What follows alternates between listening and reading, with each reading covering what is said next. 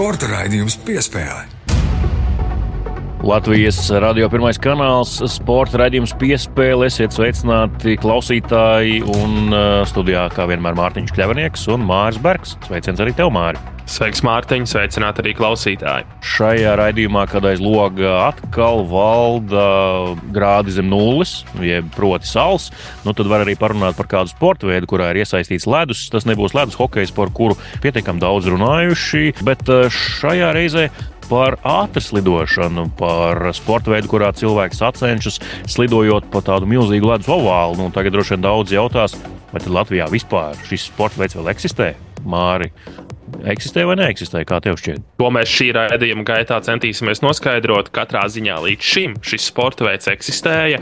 Bija tāds izteikts flagmanis, tāds karognesējs, bija Haralds Silovs, kurš ātras lidošanā Olimpiskajās spēlēs arī piedalījās četras reizes. Un atceramies, Pjončkanas Olimpiskajās spēlēs 2018. gadā viņam arī ceturtā vieta masu startā. Pavisam nedaudz pietrūka līdz uh, godalgai ātras lidošanā. Bet kā ir tagad? Haralds Silovs pēc Pekinas Olimpiskajām spēlēm spēlēm, pēc masas lidojuma. Arī mēdījiem uzreiz turpat Pekinā pateica, tas jau bija arī zināms jau pirms Pekinas, bet pēc pēdējās lidojuma viņš pateica, viss, mana karjera tagad ir beigusies. Kas ar šo sporta veidu notiek tālāk? Vai ātras lidošana Latvijā vismaz kaut kādā mērā turpina eksistēt un turpināsies, un vai būs kādi arī tradīciju turpinātāji, jo sporta veidam ir tradīcijas Latvijā. Skaidrs, ka Haralds ir izcilākais 21. gadsimta Latvijas ātras lidotājs, bet uh, vai līdz ar viņa karjeras punktu punkts ir likts arī ātras lidošanai Latvijā, to mēs sarunā ar viņu pašu, ar Haraldu Silovu, arī mēģināsim noskaidrot, ko viņš dara šobrīd mm, un vai aiz viņa muguras uh, ir sekotāji, bet uh, tam visam mēs ķersimies klāt uzreiz pēc tam, kad mēs būsim izrunājuši izrunājuši aktuālāko šajā nedēļā sportā. Tātad iknedēļas tops un tam jau tūliņ pēc pavisam īsa brīža arī ķeramies klāt. Sporta raidījums piespēlē.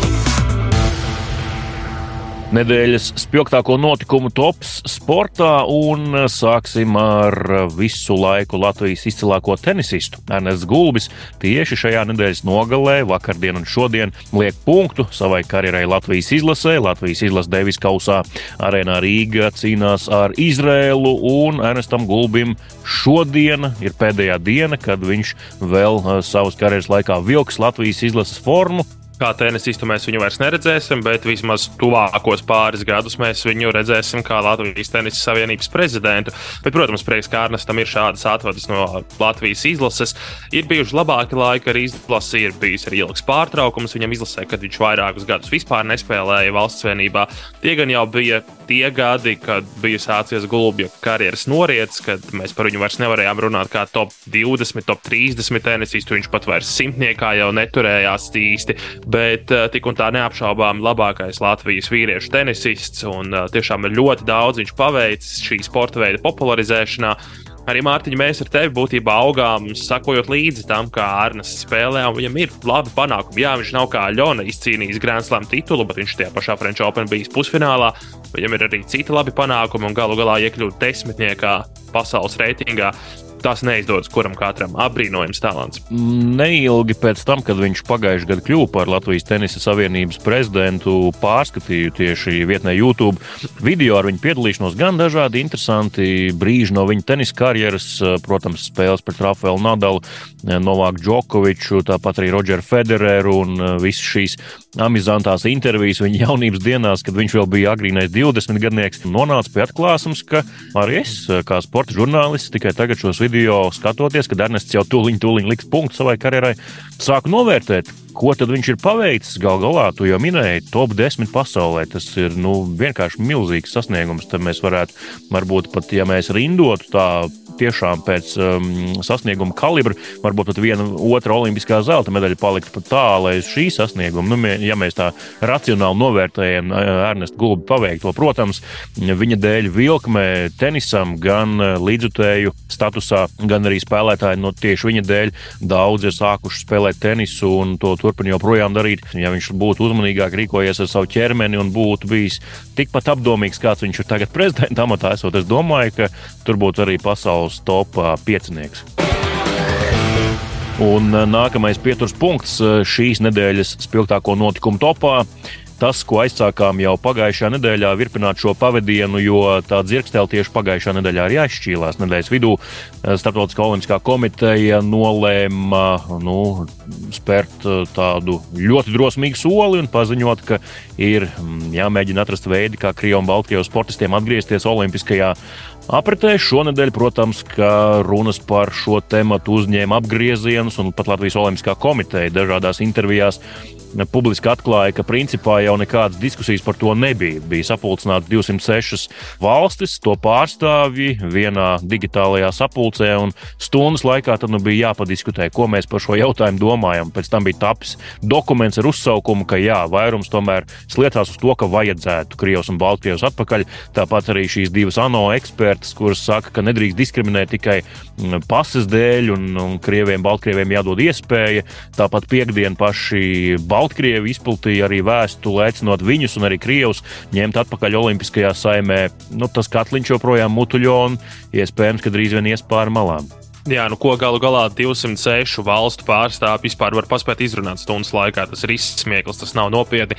Absolūti it nekādā līmenī. Grūti spriest, ko Sokars šo visu domā, ko viņi ar to grib pateikt un ko viņi ar to grib panākt. Un galu galā, ja Baltkrievi kaut ko čīkst un uh, runā, nu, tad ko mēs varam teikt par ukrāņiem, kuriem arī ukrāņu sportistiem, kuriem jāiet karot, tāpēc ka dažam labam sagribējās sagrābt papildus teritorijas. Un uh, Armāns Pučs, arī mūsu kolēģis, sporta žurnālists, šobrīd gan vairāk darbojas citā žurnālistikas lauciņā, bet uh, arī ir LOK uh, Latvijas Olimpiskās komitejas izpildu komitejas loceklis, Latvijas Golfa federācijas prezidents joprojām. Viņš labi pateica intervijā ziņu medijā Delfi. Skaidrs, ka, ja Krievi un Baltkrievija neaizbrauks uz Olimpiskajām spēlēm vai kāds cits šīs spēles boikotēs, tas būs jautājums par to, kādam tas būs uh, nepiepildīts sapnis par viņa sporta karjeru vai sasniegumiem. Neviens jau nemirs, bet Ukraiņi mirst un mirst katru dienu. Un tas ir daudz nopietnāk, nevis ka kāds neaizbrauc uz Olimpiskajām spēlēm un nenostartē. Visi šie sportisti, ja viņiem nebūs tādas iespējas, un cerams, ka šiem Krievu un Baltkrievu sportistiem iespējas arī nebūs vismaz Parīzē piedalīties par tālāku nākotni, jau redzēsim. Viņi visi var teikt paldies savam vadonim, mīļi, paldies, kā saka karma nekur neaizmuks arī no viņa. Pagaidām nekādu lēmumu nav. Arī um, Starptautiskā olimpiskā komiteja vēl pirms pāris dienām izplatīja paziņojumu, ka ko jūs šeit vispār uh, bļaustaties, nekāda lēmuma vēl nav. Mēs atbalstām Ukrainu, bet tāpat laikā mēģinām pa sēdz durvīm ielaist iekšā arī tos, kuri mums to māju mēģina sagraut un nodedzināt kopumā. Bet uh, jā, skatīsimies un sekosim līdzi. Mēs uh, savu aci esam uz šo tēmu, protams, uzlikuši un turam un nelaidīsim laidīsim vaļā. Bet mēs eh, līdz ar to dodamies tālāk nedēļas topā. Piespēle. Un eh, nākamais pieturas punkts eh, šīs nedēļas spilgtāko notikumu topā - Nacionālā hokeja līga, bet laikam tomēr nē, Amerikas hokeja līga šajā gadījumā, jo Rudolfs Balcers izārstējis savainojumu, nospēlējis sešas spēles Tampa Bay Lightning, tātad NHL komandas farm klubā, Sirakūzas Crunch. Šķietami, protams, ka gribēja atgriezties eh, Nacionālajā hokeja līgā, bet nu, tomēr viņu ievietoja šīs nedēļas sākumā neaizsargāto spēlētāju sarakstā jau otro reizi šajā sezonā. Nu, un šoreiz Rudolfam eh, laikam tas veiksmes kauss tomēr ir izsmelts, neviens viņu neizvēlējās, mm, un līdz ar to viņam sezona būs jāturpina Amerikas hokeja līgā. Nu, protams, ka viņu tomēr var pasaukt augšā vēl arī regulārās sezonas laikā, ja nu kas, un tāpat arī izslēgšanas mačos, kur augu griestu nav, eh, kas šobrīd tieši ierobežo viņa esamību vai neesamību Tampabējas komandā. Tur, protams, viņš var nospēlēt savu lomu, bet vai viņš jau nav nospēlējis savu violīti Nacionālajā hokeja līgā? Es par to arī visu šo nedēļu domāju, un uh, nonākšana neaizsargāto spēlētāju sarakstā pati par sevi nozīmē, ka tevi var izvēlēties jebkura cita NHL komanda. Tātad NHL komandas burtiski pēc saraksta, tās, kuras ir augstāk tabulā, tās izvēlas pēdējās, tās, kuras ir zemāk, izvēlas pirmās šos neaizsargātos spēlētājus. Jebkurš tevi var savākt tieši tāpat kā Tampa Bay Lightning izdarīja paši ar Rudolfu Balceru, savācot viņu no Floridas Panthers. Par Rudolfu jau, paš, jau vasarā mēs varējām redzēt, ka viņam NHL tiek dota nu, tāda cerība aizķerties, piedāvājot minimālo līgumu. Var jau Rudolfs stāstīt, ka jā, Florida laba iespēja, spēcīga komanda un tā tālāk, bet ja viņam piedāvāt kāds, piedāvāt kaut vai miljonu, 750 tūkstošu vietā, viņš aiziet tur, kur maksāt miljonu. Neliekuļosim, tā būtu. Mēs nevaram runāt par viņu kā jauno spēlētāju. 25 gados tev ir jāspēlē un ir jārāda rezultāts. Un mēs nevaram teikt, ka viņš ir neīstajā komandā bijis, ka tur ir slikts treneris, nedod spēlēt un tā tālāk. Otava bija švaka, San Jose bija švaka, bet iespējas bija spēlēt ar vadošajiem spēlētājiem. Tieši tas pats arī Floridā bija. Viņu lika maiņā kopā ar Metjūtu Kačāku, Sēmu Benetu. Arī punkti nekrājās. Un Tampabējā es vienkārši neredzu vietu Rudolfam Tampabējā. Pirmajās divās maiņās viņam vietas tur nav. Trešajā maiņā viņš īsti tur arī nevar spēlēt. Un ceturtajā maiņā viņš pats nedara. Viņš nav tāds spēlētājs. Nu, tad, kur viņš spēlē NHL top komandā īsti netiek vājā komandā arī tā kā nesenāk īsti. Nu jā, pēdējās sezonas īpaši sniegums Sanhusē Šārkas komandā iepriekšējā sezonā. Nemaz arī nepārliecināja. Tur viņam vajadzēja parādīt, ka redz, kur es varu. Ja man dod, es varu paņemt. Viņam deva, viņš nepaņēma. Galu galā komandu menedžeri, treneri, neviens tur nav muļķis, kas ir NHL. Jā, mēs viņus varam kritizēt brīžiem par nekompetenci, par stipri apšaubāmiem lēmumiem, vismaz mūsuprāt, par nekompetenci.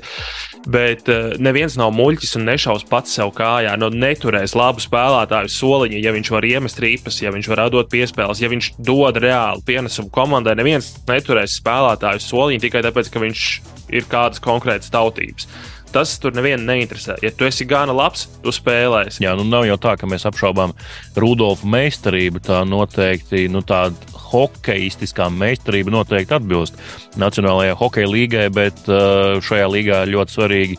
Ja no tevis prasa, tad arī tev tas rezultāts ir jādod konstanti un noturīgi. Tātad uh, noturība ir tas, kas Rudolfam uh, ārkārtīgi pieklibo, kā jau daudziem latviešiem hokejā, ne tikai Nacionālajā hokeja līgā. Un eh, nedēļas spilgtāko notikumu topu noslēgsim ar pasaules sporta karalu futbolu. Arī Latvijā tas uzņem aizvien lielākus augstumus eh, ne tikai popularitātē, bet arī līmeņa ziņā. Vietējā futbola virslīga noteikti ir spēcīgākā Baltijā, bet Latvijas klubi mm, joprojām gatavojas jaunajai sezonai, kas jau atgriežas no treniņu nometnēm siltajās zemēs, kas vēl uz turieni tikai dodas.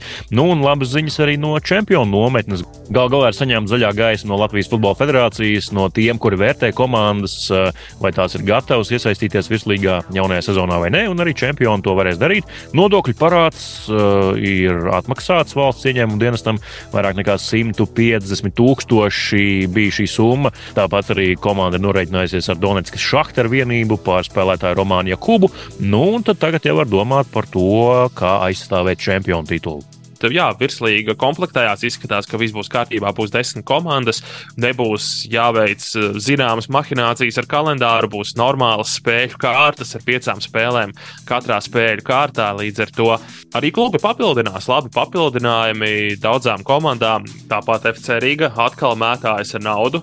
Šai komandai tas ir ļoti, ļoti raksturīgi. Jā, nu, Rīgas sakarā varam pieminēt droši vien to uzvārdu, ko, ja neesat dzirdējuši, varam eh, izcelt. Eh, tad tas ir Milo. Milošs Jojičs, 30, nu jau gandrīz vienu gadu vecs serbu centra pussargs. Viņš ir spēlējis Vācijas Bundeslīgā pietiekami ilgu laiku, 5 gadus, 79 mači, 10 vārti. Dortmunds Borusija pārstāvējis, tas vien jau ir kvalitātes zīmoks. Tāpat arī Ķelns komanda, kurā arī savulaik Artjoms Rudņevs spēlēja Turcijas, Austrijas virslīgas. Tas tāds nu, mazāk svarīgs ieraksts viņa rezumē, kas, par ko jebkurš, es domāju, Latvijas futbola izlases spēlētājs tikai priecātos tādu ļoti lielu, patīkamu pārsteigumu sagādāja Tukuma komanda, kas bija tikai viena no trijām aiz Rīgas un jau minētās RFS, kurām uzreiz bez nekādām ierunām piešķīra dalību virslīgā, jeb tā saucamo licenci, ka viņiem viss bija kārtībā jau no paša sākuma.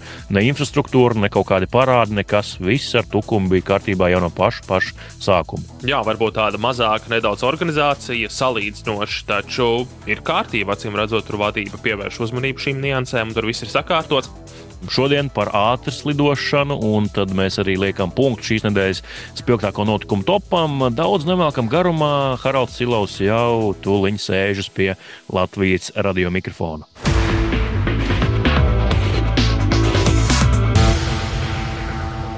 Latvijas radio pirmais kanāls, sporta raidījums piespēle, studijā Mārtiņš Kļavinieks un Mārs Bergs. Un šī raidījuma lielais temats - ātris lidošana Latvijā. Un principā jau eh, mēģināsim arī noskaidrot turpmākajās minūtēs līdz šim pēdējais cilvēks, ko mēs zinām, kurš ar to nodarbojās un ļoti, ļoti augstā un atzīstamā līmenī. Tas ir neviens cits kā Haralds Silovs, kurš arī ir mūsu studijas viesis. Sveiks, Harald! Sveiki!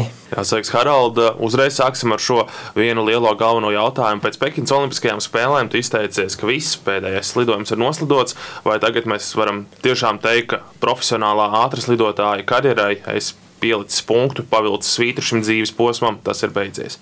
Nu, varu droši apgalvot, ka tā ir. Tālu no atslēgšanas es nekur neesmu ticis. Trenēju jauniešus Vācijā, un to skaitā arī ir uh, trīs Latvijas meitenes, kas tur ir pilnu sezonu, principā, tur uz vietas. Tā ir viena no labākajām treniņu bāzēm, kas ir Eiropā, kur ir arī uh, slēgtais laukums. Tad es cenšos darīt visu, lai tomēr tā atdošana Latvijā nepazūd pavisam. Tā ir Incele, ja, kur tu bāzējies. Jā, jā. Tā pat vieta, kur tu pats trenējies visus šos gadus. Diezgan daudz laika es tur notrenējos. Ne visus, protams, bet nu, ceļš karjeras izskaņā, tad es pārsvarā tur arī trenējos. Ļoti, ļoti labi apstākļi un arī nu, samērā zemes izmaksas salīdzinoši ar citām vietām. Visuzskatāmākais nākamais solis pēc sportista karjeras beigām ir kļūt par treneri. Tev arī tā bija, ka tas bija visuzskatāmākais un vienkāršākais, vai tu tiešām to vēlējies? Tādā karjeras tā kā otrajā daļā diezgan gara tā karjera. Man radās pastiprināta interese par treniņu procesiem, par treniņu metodēm. Ļoti arī pats visā tajā procesā ļoti bija iesaistīts un, un sadarbojos ar dažiem treneriem, speciālistiem, analizējām un tā tālāk. Un līdz ar to saprotu to, ka tā nu, pieredze ir uzkrāta ļoti bagātīga visus šos gadus un arī ļoti daudzveidīga. Un līdz ar to nu, jā, tas bija tāds loģisks pirmais solis pēc karjeras noslēgšanas. Mēs jau bijām runājuši jau tajā manā pēdējā sezonas gadā, kad es varētu pievienoties Vācijā vienā privātā komandā, kas nu, arī orientēta vairāk uz to.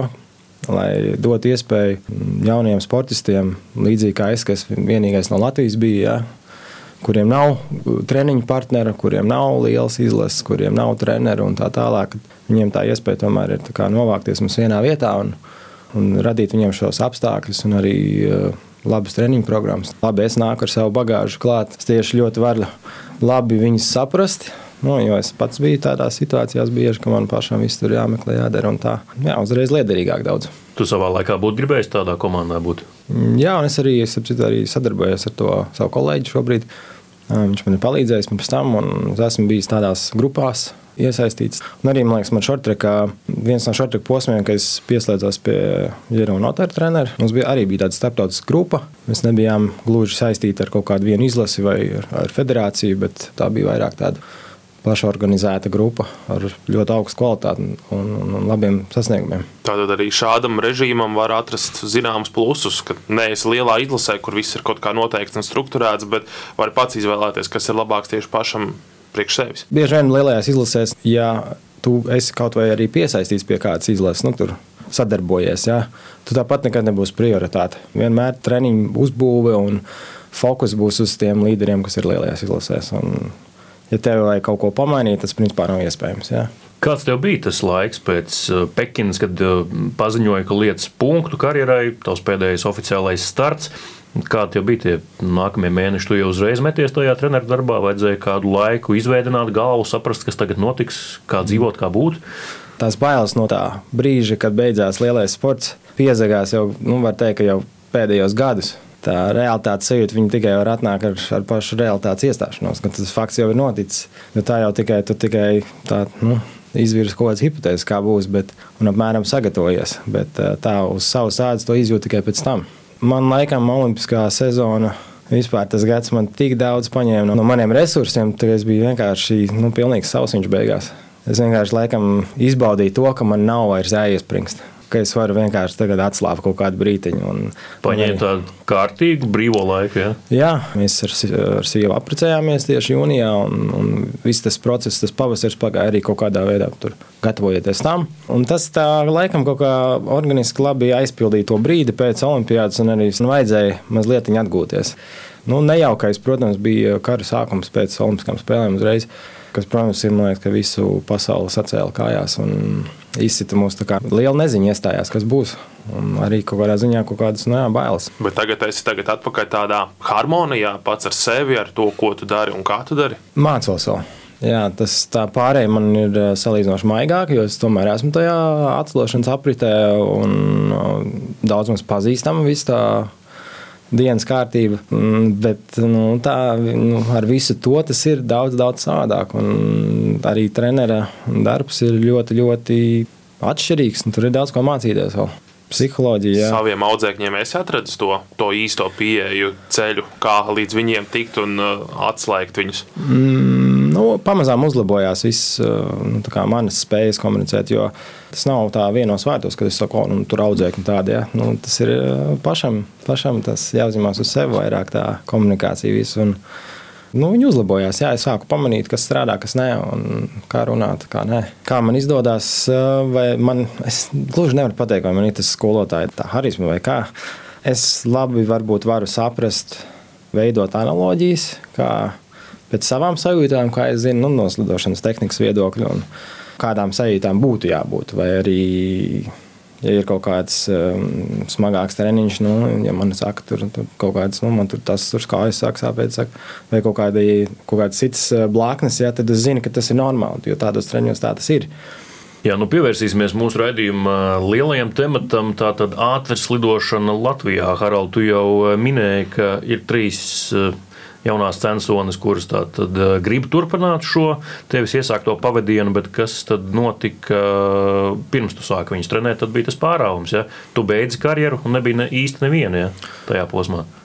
Nu, tā eh, nopietni, tā, kad sistemātiski trenētos regulāri, tā gluži nebija. Bet uh, neaizmirsīsim, mums ir šortreks Latvijā. Jā. Un arī tas kalpo kā tāds uh, mehānisms pārējai vai sagatavoties ātrlidošanas sportam. Šobrīd tās meitenes, kas trenējās, viņas pārsvarā no skatuves lidošanas. Jā, un uh, viņas arī ir, viņām neliela pieredze arī trenēties šortrekā. Un, paralēli jau pēc 18. gada Olimpiskām spēlēm es rīkoju kā no atcelšanas attīstības nometni, kur arī tieši skatījos, nu, kas mums ir no tiem skrituļsadotājiem, kas varētu potenciāli būt arī tie, kurus varētu atlasīt uz, uz ātrdošanu. Jo... Tad tev bija misijas apziņa, ka tev ir jāliek tie pamati, lai būtu arī turpinājums pēc tevis. Ja? Jā. Un, un tā arī mēs darījām. Uztaisījām to nometni, un tad tālāk uh, bija ieplānotas vairākas starptautiskās slidošanas savienības attīstības nometnes, kur viņas ir nu, daļēji līdzfinansētas. Ne visas, bet uh, daļēji. Tur arī brauc, tur ir arī moderators, um, treniņu nometnes, un viņiem tur ir sacensības, un tā, un tad viņi tur arī slidoja. Tur mums bija vienā brīdī, bija Holandē kaut kādi, mēs bijām, es negribu samalot, bet mēs kaut kā 15, 20 cilvēki arī bijām. No Latvijas atbraukuši? Jā, no Latvijas. Mm. Es pats tur uz vietas trenējos, un tad, uh, tad, tad bija atbraukuši tie bērni jaunieši no, no Latvijas uz, uz to visu nometni, un tur vēl no šortreka bija atbraukuši daudzi uh, no Jālgavas. Bet, lai trenētos ātras lidošanā tā pilnvērtīgi, nopietni, profesionāli, tas nozīmē dzīve ārpus Latvijas. Uz doto brīdi, jā, taču ir Tallinā nesen atvērts, man liekas, pirms, pirms pāris gadiem viņi atvēra. 400 metru atklātais laukums atcelšanai. Mm -hmm. Atklātais tātad bez jumta, svaigā, svaigā gaisā. Jā, tieši tā. Jā, Ziemā var tur trenēties. Teorētiski. Nu, teorētiski var braukt, jā, kaut vai pa weekendiem var braukt, trenēties. Nu, būtu reāli Baltika, varbūt pavisam vienkārši. Tā nevar gluži teikt, ka tāda. Nu, Tā kā bezcerība būtu pilnīgākā. Tā gluži nav. Nu, arī Zviedriem nav slēgtās halas, bet viņiem ir olimpiskais čempions un pasaules rekordists. Ja. Latvijas sporta īpatnība varbūt tāda, nu, ka mums nav varbūt tādas ļoti izteiktas sporta sistēmas uzbūves, kur tur iet cauri un mēs tur atlasām labākos tikai un tā.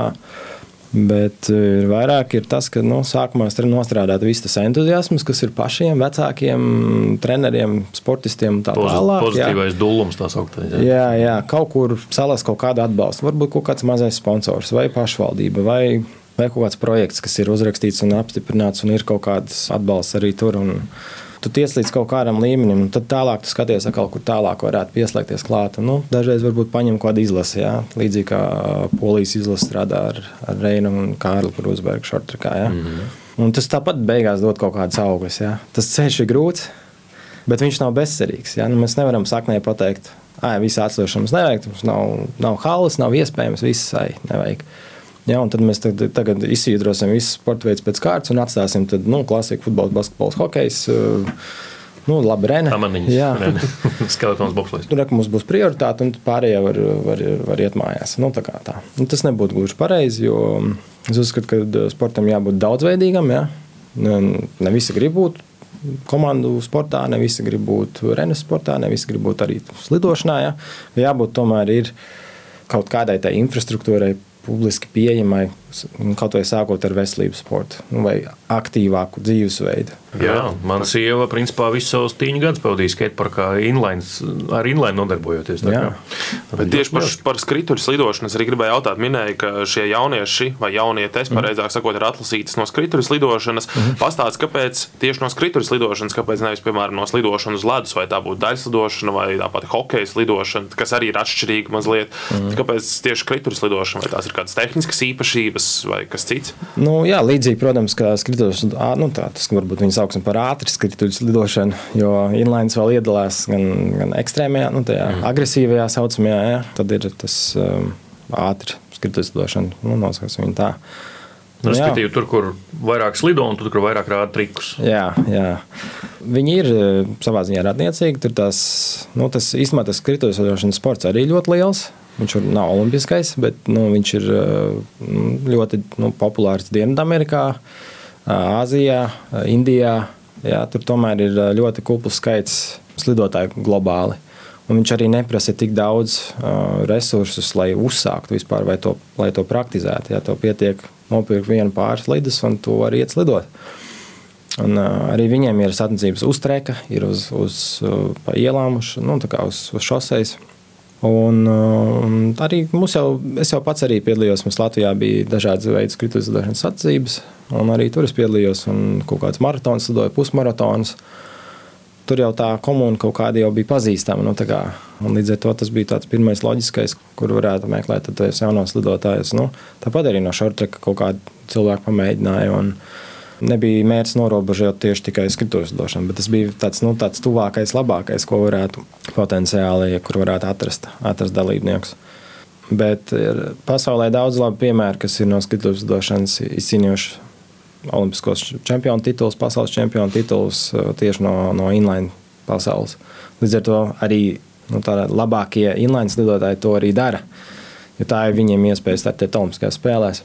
Ar to tā tad sāc, un ja tev tevi pamana, vai tev ir labas dotības, tad tevi noteikti atradīs kāds arī ātras lidošanas treneris un var mēģināt tikt uz ledus. Jā, viņi bieži ātri vien tiek izlasēs, jo viņu fiziskās spējas ir ļoti, ļoti augstas. Viņi ir gatavi jau profesionāli sportisti. Tu minēji jau to, ka šortrekistiem arī ir interese par ātras lidošanu. Es arī pirms pāris gadiem dzirdēju, ka kāds no tā laika šortrekistiem labprāt varbūt mēģinātu ātras lidošanu. Šobrīd nav neviens no tiem, kas ir turpat Jālgavā vai citur, kur Latvijā, mm. kur, kuri gribētu pie tevis pamēģināt. Es domāju, ka ir, jo nu, es jau nesāku ar tādu, nu tagad nāciet. visi nāciet pie manis. Jā, tur bija tā ļoti, nu, es, man izrādīja um, interesi vecā vecāki tām meitenēm, kas ir. Jo viņas arī bija uz, uz tām izsūku nometnēm un, un izteica vēlmi, ka viņas vēlētos tomēr to atsdošanu. Kas, jā, piedod, ka pārtrauc, no kurienes viņas ir visas trīs skrituļus lidotājs. Jā, mhm. jā un, un nu, es kā, aprunājos ar savu kolēģi, un kā, jau plānots tas nebija tā. Nu, tā. Un, nu, tad, ok, pamēģināsim vasarā. Nu, tieši jūlijā ir vasaras ledus vienu mēnesi. Un tad viņas atbrauca un mēs pamēģinājām un skatos, ka tev tur kaut kas ir. Jā, un man pa, pa, pašam pār, no, nu, pārsteidza viss tas viss tā attieksme un, un, un ko viņas jau varēja parādīt uz ledus un tā tālāk. Tieši tāpat bija ar mani kolēģi. Viņš arī teica, sev, nu, baigi labās meitenes. Un tad mēs izveidojām viņam piedāvājumu. Un, nu, protams, ka viņam arī tur ar skolu uzreiz ir bija nu, kā, nomainījis skolas, tur uz online pārgāja vairāk. Un, mm -hmm. Viņas ir ap pilngadību tajā vecumā, jau pirms? Jā, jā, pirms un pēc tur ir tur mm. miks. Norganizējām visu, tur, kur viņas dzīvos. Nu, tā, tā, tā, un tad, tad viņas arī saņēmās un atbrauca un trenējās.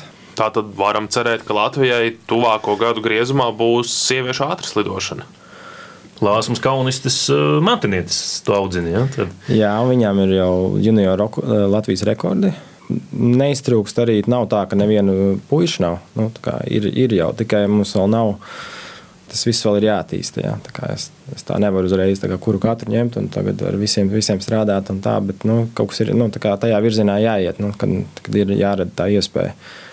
Bet es domāju, ka, jā, ka nav, ka izstāsta, ka kaut kas būs mums nākotnē. Tā. Nu, vismaz uz to mēs ejam.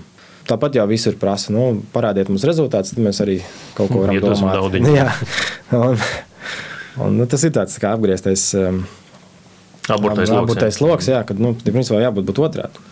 Atbalsts, būs rezultāts. Bet, jā.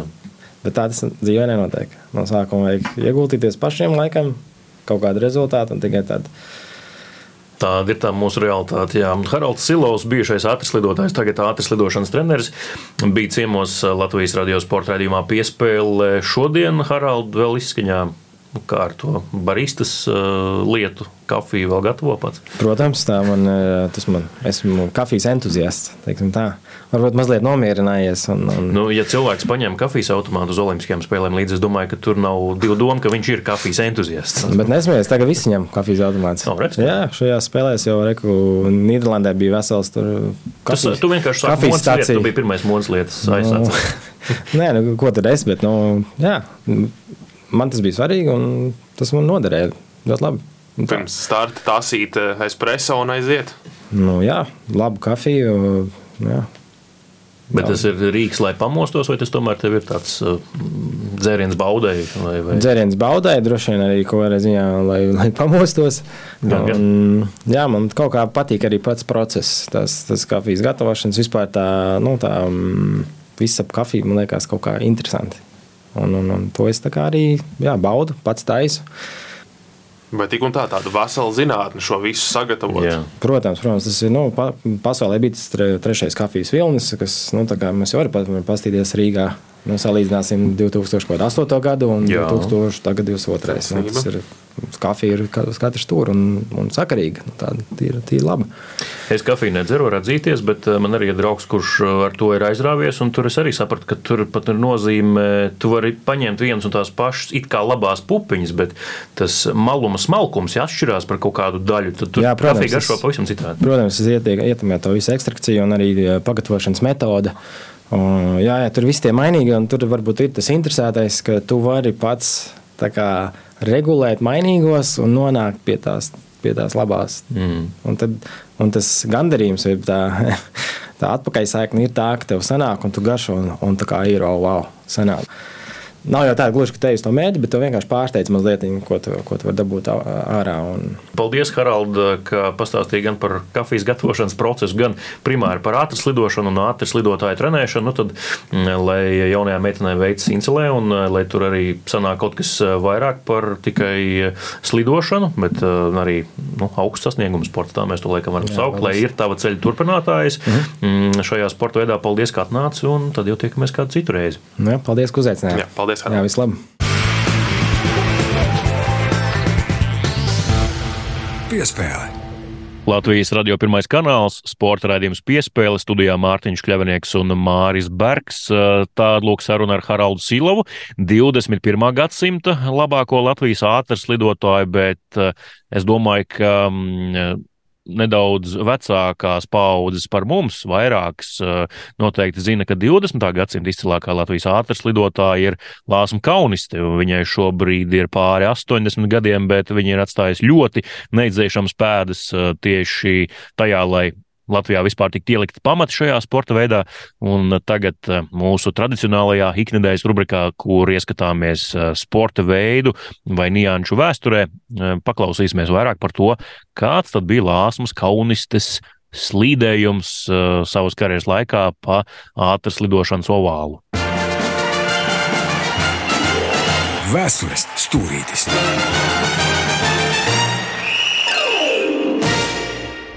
Lāsma avotiņa pasaulē nāca otrā pasaules kara laikā, 1942. gada 19. aprīlī.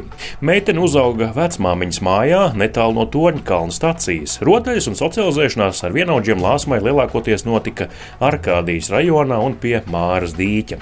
Tur arī ziemā tika apgūtas pirmās slidošanas iemaņas. Skolā Lāsmai padevās geogrāfija un vēsture, arī dziedāšana un, protams, fiskultūra. Viņai bija ļoti labs fiziskās kultūras skolotājs skolotājs Krišs Matuzelis, kurš bērnus iepazīstināja ar plašu sporta veidu klāstu. Kādu dienu skolotājs Matuzelis esot ieminējies, ka Daugavas stadionā slavenais Alfons Bērziņš meklē jaunos ātras lidotājus savai grupai. Par Bērziņa Eiropas čempionu titulu esot runājuši daudzi apkārtējie. Visa lāsmas klase esot aizgājusi uz pirmajām nodarbībām, bet trenera Bērziņa prasīgums drīz vien daudziem izrādījies pārāk liels spiediens. To izturēja lāsma un viņas draudzene Ārija Gulīte Marksa. Bērziņam gandrīz vien vairs neļāva strādāt ar jaunajiem censoņiem, tāpēc par meiteņu treneri kļuva Aivars Leinerts. Jau 16 gadu vecumā Lāsma un Ārija bija labākās ātras lidotājas Latvijā pieaugušo konkurencē. Lai sacenstos PSRS mērogā, bija nepieciešams iegūt pirmo sporta klasi, kas Lāsma izdevās jau 15 gadu vecumā. 20 gadu vecumā Lāsma apprecējās ar Igauņu ātras lidotāju Toivo Kaunisti. Ar nākamo vīru viņa iepazinās jau 1958. gadā ikgadējā Latvijas un Igaunijas ātras lidotāja mača sacīkstē. Divus gadus pēc kāzām Lāsma jau bija dēla gaidībās, un tas liedza aizbraukt uz 1964. gada Olimpiskajām spēlēm Innsbrukā.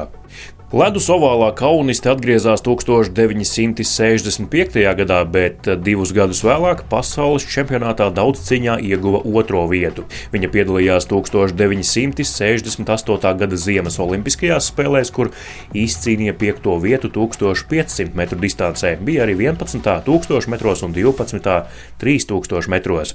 Savukārt 1969. gada pasaules čempionātā Grenoblē kauniste triumfēja daudzcīņā ar 189,566 punktiem. Pirms vairākiem gadiem intervijā Arturam Vaidaram Kaunisti atcerējās, ka pēc pasaules čempionas titulu izcīnīšanas Rīgā bijusi grandioza sagaidīšana. Dzelzceļa stācija bijusi pilna ar cilvēkiem. Medaļu gan sagaidītāju pulkam lāsma tobrīd nevarēja parādīt, jo Soma, kurā tā bija ielikta, palika Grenoblis stacijā. Aptuveni pēc mēneša Kauniste saņēma gan Somu, gan pasaules čempionāta zelta godālu algu. Vairākas reizes viņa triumfējas arī PSRS čempionātos dažādās distancēs, bet pēc karjeras beigām Kauniste 13 gadus bija Rīgas 7. bērnu un jaunatnes sporta skolas direktore.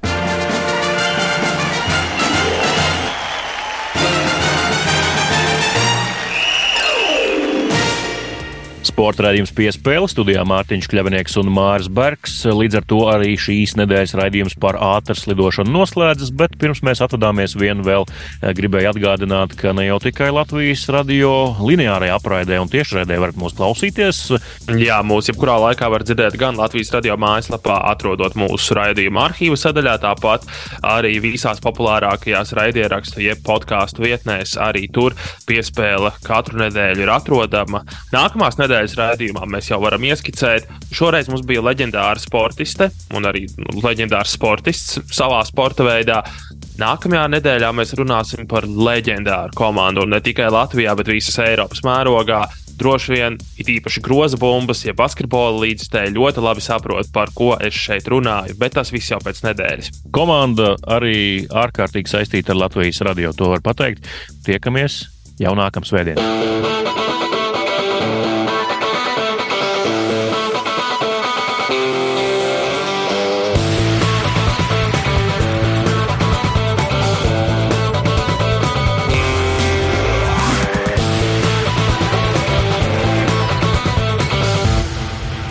Raidījums piespēlē.